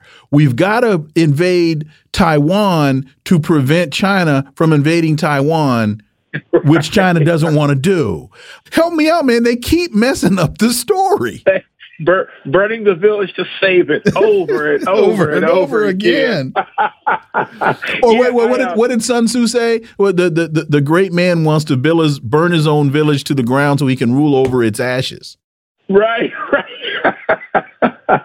yeah, I, I, I suspect that the the conversation that Garland and I just had about the Republicans' real goal, real objective in Mexico and, and threatening to uh, invade Mexico, I suspect the same uh, uh, motive is is is true here in Venezuela, although it's probably the Democrats driving this conversation that they are trying to. I, I can only assume that they're trying to redo the oil for food program in Iraq, uh, in which they were uh, they, they they they tried to sort of scandalize. Uh, uh, uh, uh, uh, Iraq and and uh, tighten their sanctions grip on on the country, um, and, and I guess that's what they're trying to do with Venezuela, which makes no sense whatsoever. Um, but uh, you know, again, you know, we talk about this all the time on this show. But the United States is really desperate. The West in general, but the, the United States specifically, is really desperate. They're losing markets. They have fewer and fewer ways for capital to make money, and they're just trying to squeeze blood from that stone. Venezuela, for all the troubles it's having, uh, you know, years ago, maybe a decade ago, where everyone everyone was talking about the pink tide countries, the rise of leftist governments in Ecuador and Argentina um, um, and um, Venezuela. And the only one that seems to have survived intact is Venezuela. And even though they have a very difficult road ahead, in large part because of uh, uh, the United States and its meddling and its sanctions and its, um, you know, just all this, this tomfoolery. I wish I could say another word, but I won't.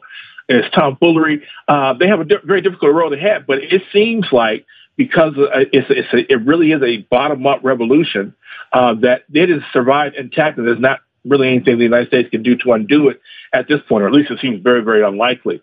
Uh, so I, I, I just assume this is a, a, another desperate uh, last gasp attempt to recolonize uh, uh, Venezuela, which of course is a key oil producing country in the world.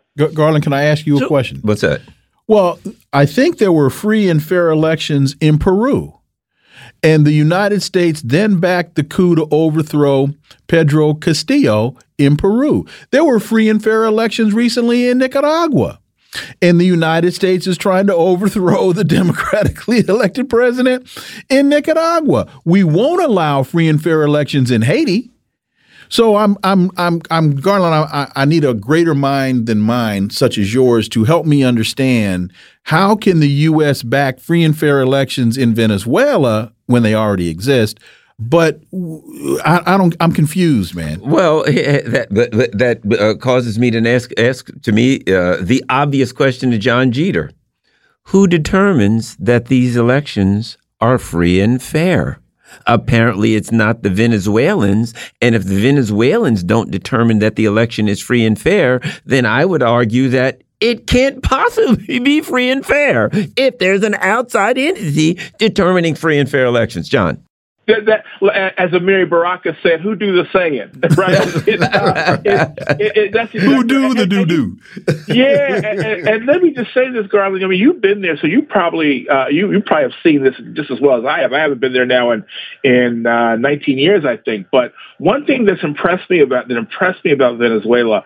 Um, and I've probably been to close to 40 countries, most in the global south, but probably close to 40 countries, half of them in, in Africa. Venezuela is the only country I've ever been to where I heard black people, and black people in Venezuela represent about 12 or 13 percent of the population, very similar to the United States. Um, although it's a smaller country, obviously, uh, but I, it's the only country I've ever been to where black people, uh, sort of universally, the consensus was one of optimism, not just hope. You know, hopefully things will turn out okay if we do the right things, but one of optimism. We're on the right track. Things are going to get better. This was under Hugo Chavez, but I've never I've never heard that sort of optimism by a black population. That's because there is there was a genuine there is I still I believe still uh, a genuine democracy in Venezuela, unlike anything I've ever seen, where the people, the people, even the poorest people, even the blackest people in Venezuela have a say in their democracy. And so this idea that the United States is trying to spew that they need free and fair elections when they have the freest and fairest, not only by my estimation, but by Jimmy Carter's estimation and yours, Garland, it's just nonsense and just testifies again to the desperation of the United States. Well, let me ask another fundamental question. Beyond the process, the democratic process in Venezuela, why is it that the black Venezuelans feel so optimistic? It's because their quality of life is improving through That's the right. process. Right. That's right. Homes are being built. That's right. Hospitals are being built. Yeah. Food is yeah. on the table. That's right. That's right. And, and, and, and to the extent that life is not getting better, they recognize it clearly. Unlike in the United States, they recognize that the enemy is imperialism, the United States trying to crack down on their people-led revolution. Uh, and so they, they have, they're very uh, it, it is a democratic country and one that reminds me, and I think this is, of course, the, the an obvious comparison, uh, so it doesn't take much genius to see this, but one that's modeled itself after, um, and this will sound ironic too, because, of course, uh, Cuba doesn't have elections, but one that has modeled itself in terms of trying to become a humanitarian superpower, right? They've modeled themselves after Cuba. And, and, and, and so their, their, their, their target is much higher than what we see in the United States in terms of democracy because they're trying, they're aiming for another target than what we see here in the United States. And, and while they, you know, you, you, have to say they've fallen short, that's only because of uh, United States intervention and meddling. And to, and to those African Americans who want to bludgeon us with, we have to vote for Joe Biden, I ask them, has your quality of life improved over the last 12 years? Is there more food on your table? Is housing more affordable and uh, and is there more housing available? Is the education for your children improving? We got one minute, John Jeter. I'd, I'd ask any any. I've asked that question of many of my friends uh, who want to tell me that that's the way to vote. Well, has your quality of life gotten better? You got thirty seconds, John Jeter. Uh, you know, the, United States and black people in the United States could really take, we need, you know, these ADOS people are uh, out of their minds. We need to take a page from our neighbors, particularly in the Caribbean, who understand that the enemy is, is imperialism, is capitalism, capitalism, at least as we know it. And that's the enemy, not Donald Trump, not Joe Biden. The system, the system of racial capitalism is our enemy. That's what we need to fight. John Jeter, as always, thank you so much for your time. Greatly, greatly appreciate that analysis. We look forward to having you back. Thank you, brother. Folks, you're listening to the Critical Hour on Radio Sputnik. I'm Wilmer Leon. I'm joined here by my co host, Garland Nixon. There's more on the other side. Stay tuned.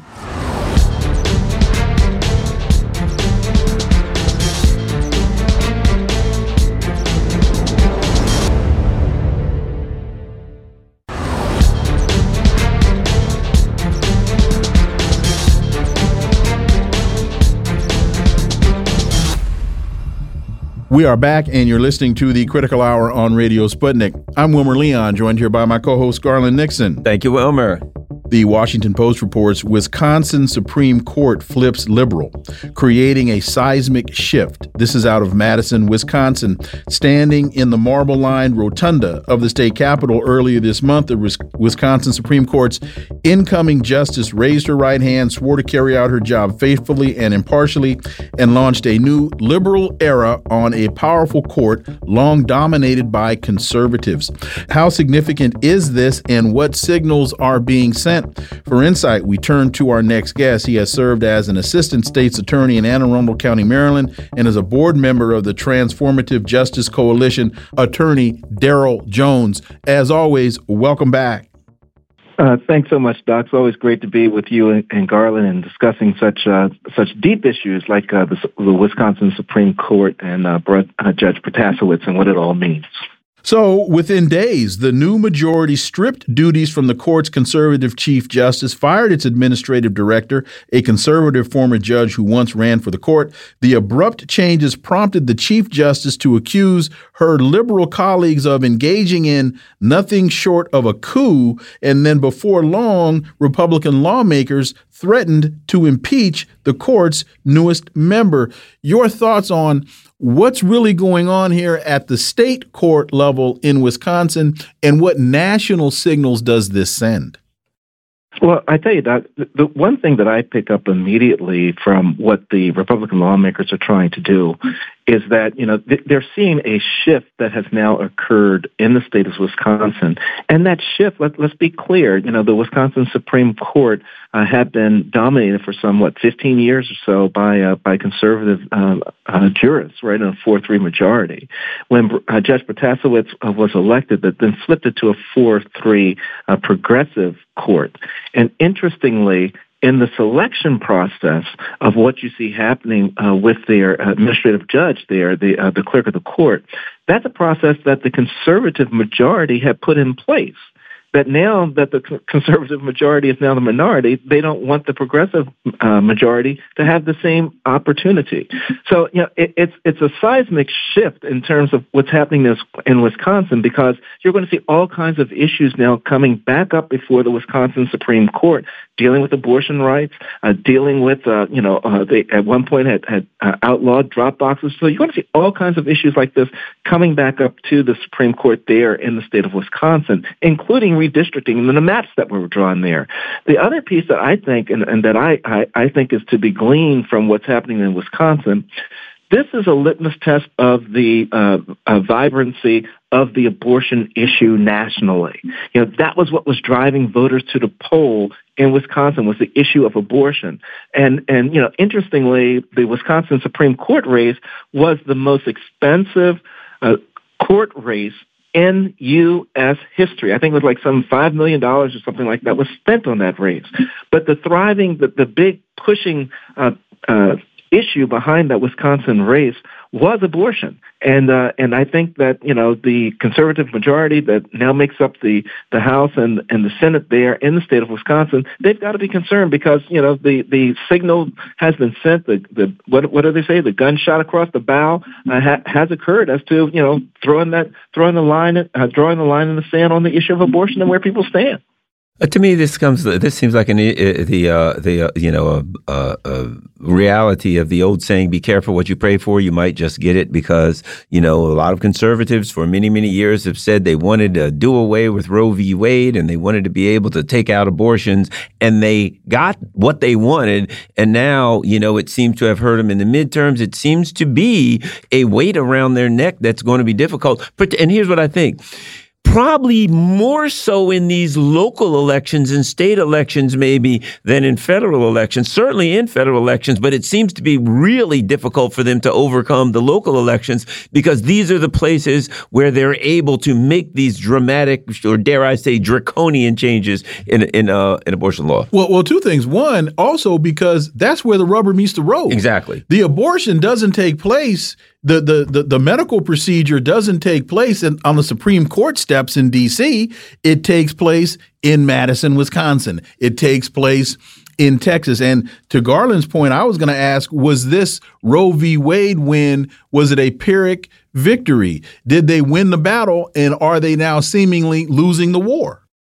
Well, you know, it, it's funny you should put it that way because you know, the one thing that uh, people have to remember uh, is this: is that with the um, Dobbs decision, which is you know what put it back into the state's hands to be able to make decisions regarding uh, a woman's uh, reproductive rights, uh, it came out of a, a Supreme Court that is uh, that was selected and appointed by not the majority of Americans, because the, uh, the, the, the six conservative justices that are there were not appointed by presidents that won the popular vote.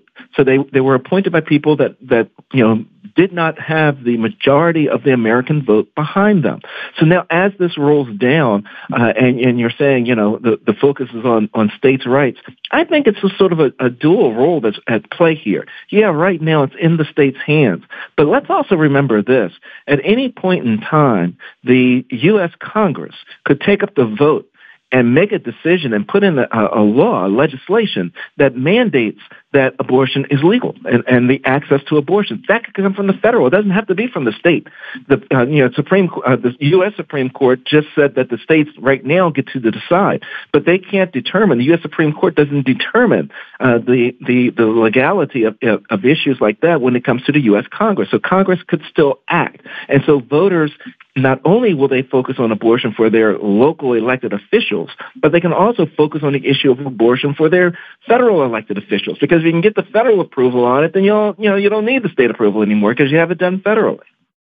And there are many who have argued, and I think that this is true, that that one of the primary reasons that Democrats have not used the leverage that they've had in getting this done is because it's more the, the issue of a woman's right to choose is more beneficial to them as a political issue than it is as a solved problem. Yeah, and and that's very true. You know, the the uh, all the tests show right that the uh, that the uh, uh, that the American people really do resonate with regards to a woman's right to decide what to do with her body and, and bodily autonomy. And the more cases that people hear with regards to women uh, that are forced to carry a dead or dying fetus to birth, you know, to actually give birth to it, the more it resonates why uh, the Dobbs decision is such a bad decision and why women should have the right to decide what to do with their body. Not even to mention the, the I believe it was the Ohio 11 year old that had to travel across state, line, state lines Indiana to get uh, an abortion because she was raped by an uncle. All of these things resonate in the voter's mind saying that, you know what, when you have these states that are going, you know, that are, that have these draconian laws with regards to abortion, like Wisconsin, uh, it's wrong it's wrong and, and it's got to be corrected. And that's what I think they, uh, they were seeing with that state Supreme Court election uh, in Wisconsin with Judge uh, Protasiewicz. We're going to put two stories together. Um, the Washington Post uh, reports thousands gather to mark the 60th anniversary anniversary of Dr. Martin Luther King's March. Um, the uh, that was at the Lincoln Memorial Saturday to declare, as they said, that King's dream is newly threatened and the fruits of his work are at risk. Meanwhile, uh, we've had another um, shooting in Jacksonville where a gunman in what was considered to be now a racially motivated uh, um, a racially motivated attack went into a Dollar General store in Jacksonville, Florida, where he was uh, where he killed uh, three innocent people. Uh, Ryan Christopher Palmeter, apparently 21, was identified as the gunman in the shooting. Your thoughts? You know, my goodness, first, you know, hats off to the uh, Edward Waters University Police Department, because as bad as this was, it could have been much worse. You know, it, you know, as we look at the story and as, as information continues to come uh, to, to come out and be released, we know that you know when the gunman initially went to Edward Waters University, uh, he was going there during a time where uh, a lot of and you know as an HBCU uh, university for uh, for you know listeners that may not know, but he was going to Edward Waters University for the reason of killing young black college students. And had he had the AR-15 and his uh, handgun and had the ability to do that uh, at that university, who knows how many casualties there would actually have been. So certainly, you know, uh, he, he was walking towards the student center, which had which was full of students at the time. Mm-hmm. It, it, it, just would have been horrible. I mean, just you know, it, it's bad as it is. But you know, yet right now, students are returning uh, or coming back or for, initially going for the fall semester uh, of school, so they're just reporting. So they're all over the campus, and you're going to the student center, which is the congregating place, you know, for the majority of students. So this could have been much worse than it was. It was horrible as it is, but it could have been much, much, much worse. And you know, the other piece with this, the other piece that goes with this, and you know, and for it to happen during you know the 60th anniversary uh, on the March of Washington, you know, it, it just continues to evolve and continues to evolve. And knowing Dr. King's position on gun violence and, and racism in the United States, you know, it, it could not have happened at, at a more, you know, uh, interesting period of time. It's also a period of time where in the state of Florida we have Governor DeSantis who's down there who is really brewing a, a lot of uh, environment and atmosphere of hate an atmosphere of distrust, an atmosphere of devaluation of blacks, Latinos, and, and other uh, minority groups or, or, or, you know, other populations, people of color that are in the state of Florida. So you have all of this that's brewing down there, and you have this shooting that culminates in this. And it's also uh, important to note that in Florida, that uh, uh, Governor DeSantis had just signed into law, and it became effective in July, right? The permitless carry law, so that people can carry, yet they don't need to get a permit to have the, uh, their weapons and stuff made available uh, to them. This is the culmination of everything I think Dr. King was standing against when he was talking about uh, the violence in America and addressing the violence that's in our in our country. This is a culmination of that, but it could have been so much worse. My heart goes out to the families, and my hat certainly goes off to the uh, Edward Waters Police Department. And we have just about a minute and a half left. To your point about the the permitless uh, carry that uh, DeSantis signed into law, the sheriff said in this situation there was nothing illegal about this gentleman owning the firearms, which begs the question: Should there be? There are those who said in this article, "It's hurtful." I thought racism was behind us. Really? as we look at the March on Washington. Obviously, it is not. Uh, Daryl, it, it, it's it's more than a coincidence that in that this uh, a horrific act took place on the weekend of the celebration of the 60th anniversary of the March on Washington, and this gentleman had swastikas on his guns, and he had all kind of other uh, hate-filled speech and rhetoric, letting us know what his true mission was. We got we got 45 seconds. No, you're absolutely right. You know, for this to come on the on the celebration of the uh, March on Washington was, was you know just uh, uh, just incredible. But I tell you, the question becomes, and the question remains: What are we going to do about it? How are we going to hold elected officials, officials accountable? How are we going to push forward to have reasonable gun restrictions and reasonable gun laws in the United States?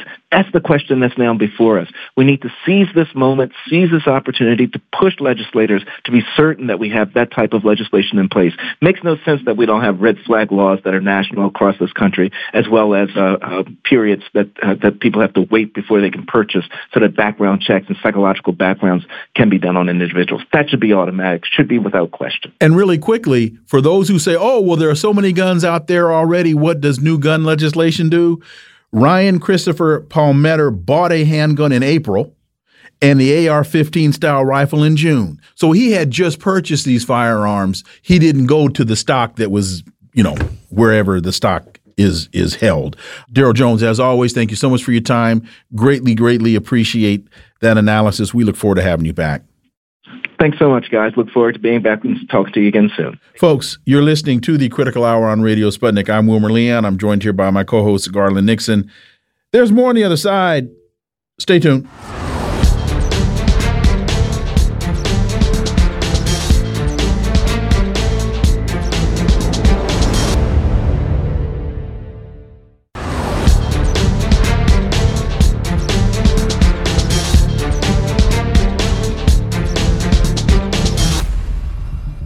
We are back, and you're listening to the Critical Hour on Radio Sputnik. I'm Wilmer Leon, joined here by my co host, Garland Nixon. Thank you, Wilmer. Caitlin Johnstone has a piece in Consortium News in a world ruled by propaganda. She writes as primates whose survival depended on social cohesion, being rejected by the tribe would mean almost certain death. So it was necessary to conform. But we don't live in a prehistoric time anymore. For insight into this, let's turn to our next guest. She's a political commentator and podcast host, Misty Winston. As always, Misty, welcome back. Thank you so much for having me. I appreciate it. Caitlin continues one of the worst mistakes you can make when formulating your understanding of the world is to begin with the assumption that the truest and most accurate position must lie somewhere near the center of the two major political perspectives you see laid out all around you. It is a mistake, not only because assuming that the center position must be the best one is a type of fallacious reasoning known as the middle ground fallacy. The correct position between drink a gallon of bleach daily for good health and drink zero uh, bleach daily for good health is not drink half a gallon of bleach daily for good health. It's also a mistake because the entire framing arises from a situation that has been artificially engineered by the powerful. Misty Winston, your thoughts. Well, first of all, this is a brilliant piece from Caitlin Johnstone, which is to be expected from her. I think pretty much everything she writes is great. Uh, she's really fantastic at putting into words uh, what's floating around in my head that I'm sometimes unable to articulate. Uh, and she's absolutely right here. I think that we've uh, our political environment now has been um, so manipulated and so manufactured that the. I mean, I think Noam Chomsky has spoken about this too. That we are we've been given you know this uh, these parameters in which the discussion is allowable, uh, and we're allowed to have have a lively debate within those parameters, and anything seen outside of that uh, seen as fringe and crazy and cuckoo. Uh, but frankly, if you are going to be uh, challenging power and you're going to be having uh, perspectives that are interesting and new uh, and that seek to kind of uh, jump outside of that landscape, then you're going to be seen as fringe. You're going to be seen as kind of a radical, and that's okay. Yeah, and and um, you know, and and I'm sure you you a lot of people that listen to this show experience this. You'll talk to friends and family members, and you'll just listen to what they say, and you realize that basically there are a lot of people that turn on the news and believe they're getting the truth. They turn on the news and they see, you know, whatever channel say, and next we're going to have former CIA chief so and so, former NSA chief, and now we're going to have retired FBI, CIA, NSA, blah, blah, blah, to tell you what you are to believe. And when you talk to people, you realize they didn't learn anything from mass weapons of mass destruction and from 20 years of the lies that we have gotten from the war on terror. Misty. Yeah, 100%. And in this piece, I think Caitlin even says that these so-called centrists, these people who hold these moderate positions, if you look at them and you actually look at their positions, they are legitimate violent extremists. These are people who are perpetuating war propaganda uh, and imperialism and uh, colonialism. Uh, and so all of that stuff is, uh, you know, anybody who is objectively looking at it would see that as extreme. Uh, but because we, we live in this situation where our political discourse is so manufactured, that's become the norm. And it's become, you know, the allowed uh, or the uh, approved, uh, you know, kind of parameters of conversation. And so we're all kind of trying to fit into this mold. Uh, and that's frankly not a mold I'm interested in fitting into. I, wrote a piece a while ago called the the dangers of binary politics for the African American community, and I think this fits into what Caitlin Johnstone is writing uh, because uh, the point that that I was making here is that the world isn't white or black, that the world has more gray to it than than people want to actually admit. And that if your options are the best of two evils, well then your option is still evil. Yeah. But again, most folks don't um, don't subscribe, don't don't really under, understand that uh, because they we we are moving away from objective analysis, and not even in terms of the media, just in terms of people's everyday lives. They're they're they're they're not thinking through and asking themselves, do the positions that are being articulated on my television screen do these things even make sense, Misty? Right. Yeah, no, that's absolutely right, and it's it's not even just within media and uh, you know uh, just average everyday people. It, it's the inability for creative thinking, for um, you know that kind of objective reasoning, and it's been kind of trained out of us. It has been uh, through media manipulation. I think that we understand why media uh, you know kind of follows along with this discourse. They are paid and co-opted and uh, completely corrupt, and so they're there to push a certain narrative, and that's what they're doing. But in doing so, they have completely trained trained the American public to stop thinking critically, to stop thinking creatively, to stop looking outside the box. We have really, uh, you know, insane challenges ahead of us, and we need out of the box thinking. But most people uh, have a very superficial um, uh, thinking process when it comes to these things, and they are, uh, you know, they they only see things in black and white, left and right, red and blue, uh, and those are just not. Uh, that's not any kind of thinking I think is going to solve any of our problems in any of a subs- in any substantive way, which I think, frankly, is the goal. You know, one of our guests, uh, Jim, Dr. Jim Kavanagh, refers to it as a crisis of epistemology. You know, if you know something, for those of you who don't know what uh, epistemology is, it's how do we know what we know? If you believe something, what do you base that on? And I find, and I'm sure you do too, that people will make a statement, whatever it is, it's something you hear in the news. And when you ask them, let's go below the surface a little bit it's to see if they have more than a superficial understanding. You ask them a why or explain that, or, well, I don't understand that. How'd that happen? They give you a blank stare. They make an assertion because they've heard the assertion. Maduro is a dictator, whatever. And you say, Really? He is? Yeah. Tell me about it. And they just stare at you. Or they, they, or they give you talking points. Right. Yes. Or they yeah. give you, or they well, I tell you, a lot of times I didn't get talking points. I just ask them, and they just like because nobody in their circles is going to ask. They're all just going to make the assertion, and everybody in their circles is just going to say, Yeah, that's right. Well, to, to that point, here's one that I got on, on my other show. A guy calls in and says, Joe Biden is the greatest president in the last 40 years. Look at what he's done for the for the economy. To which I said, Well, what has he done for the economy? And the answer was Bidenomics.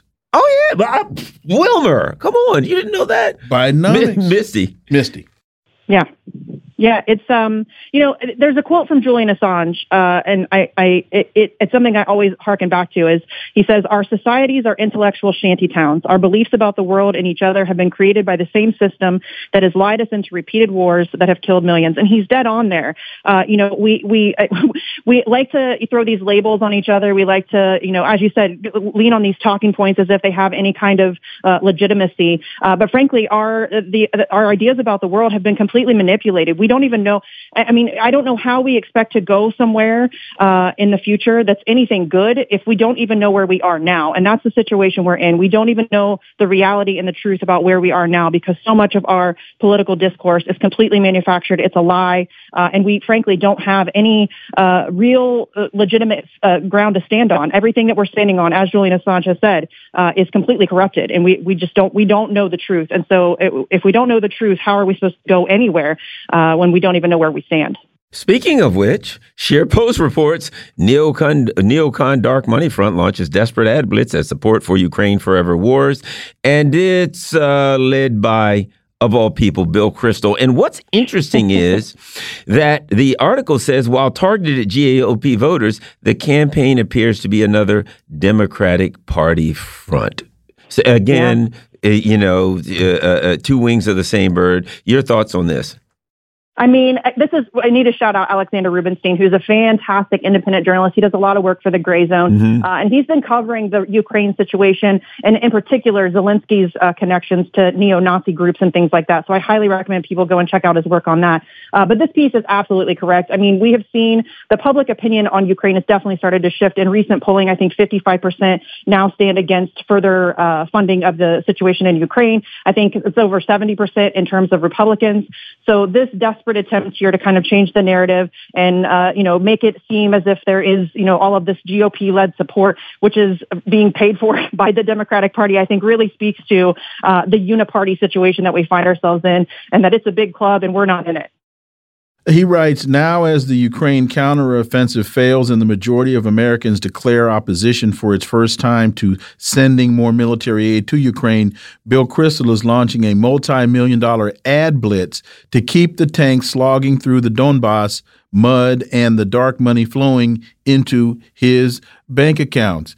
And what I think that paragraph captures is a couple of things how the media is being used to sway public opinion in the in the direction opposite from what the public already understands, and the fact that this dark money is flowing into uh, Kristol's bank account. Garland and I have been saying this whole Ukraine thing, among a lot of things, is a money laundering scheme. Yes, absolutely. Thank you for saying it. I'm tired of people pretending that's not the case. I mean, uh, General Smedley Butler told us long ago that war is a racket, and this one is no I think we're seeing dark money groups, uh, weapons manufacturers, the military industrial complex. Those are the people who are making a ton of money on this. And it's frankly disgusting that we are so willing. And I, I understand that a lot of people are propagandized and don't maybe recognize that this is what hap- what's happening, but we are literally using the bodies of uh, an entire generation of Ukrainian men as cannon fodder uh, for these people's profit. Uh, and it's really despicable. And the fact that they're trying to pretend as if it's for humanitarian rights or for democracy is so absurd.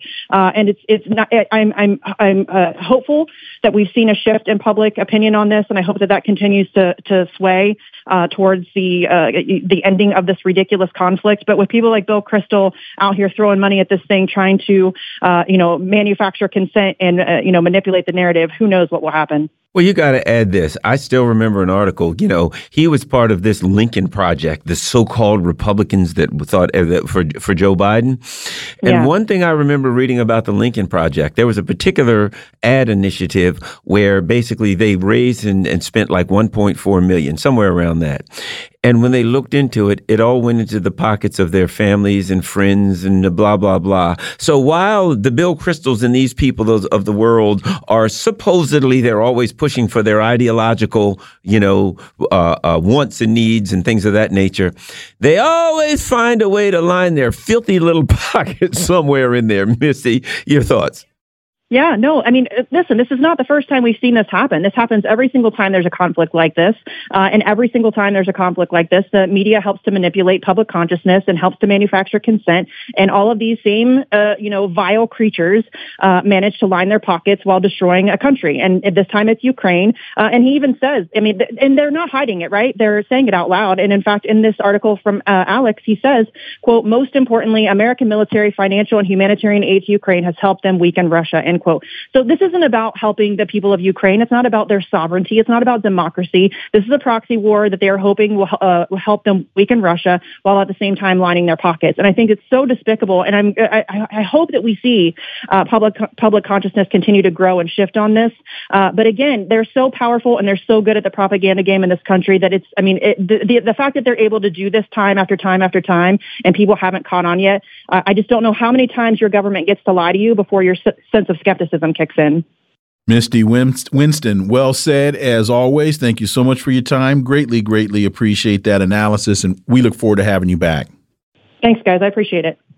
Folks, you've been listening to the Critical Hour here on Radio Sputnik. Thank you for allowing our voices into your space. On behalf of myself and my co host, Garland Nixon, we hope you were informed and enlightened. And we look forward to talking with you all right here tomorrow on Radio Sputnik. Be safe. Peace and blessings. We're out.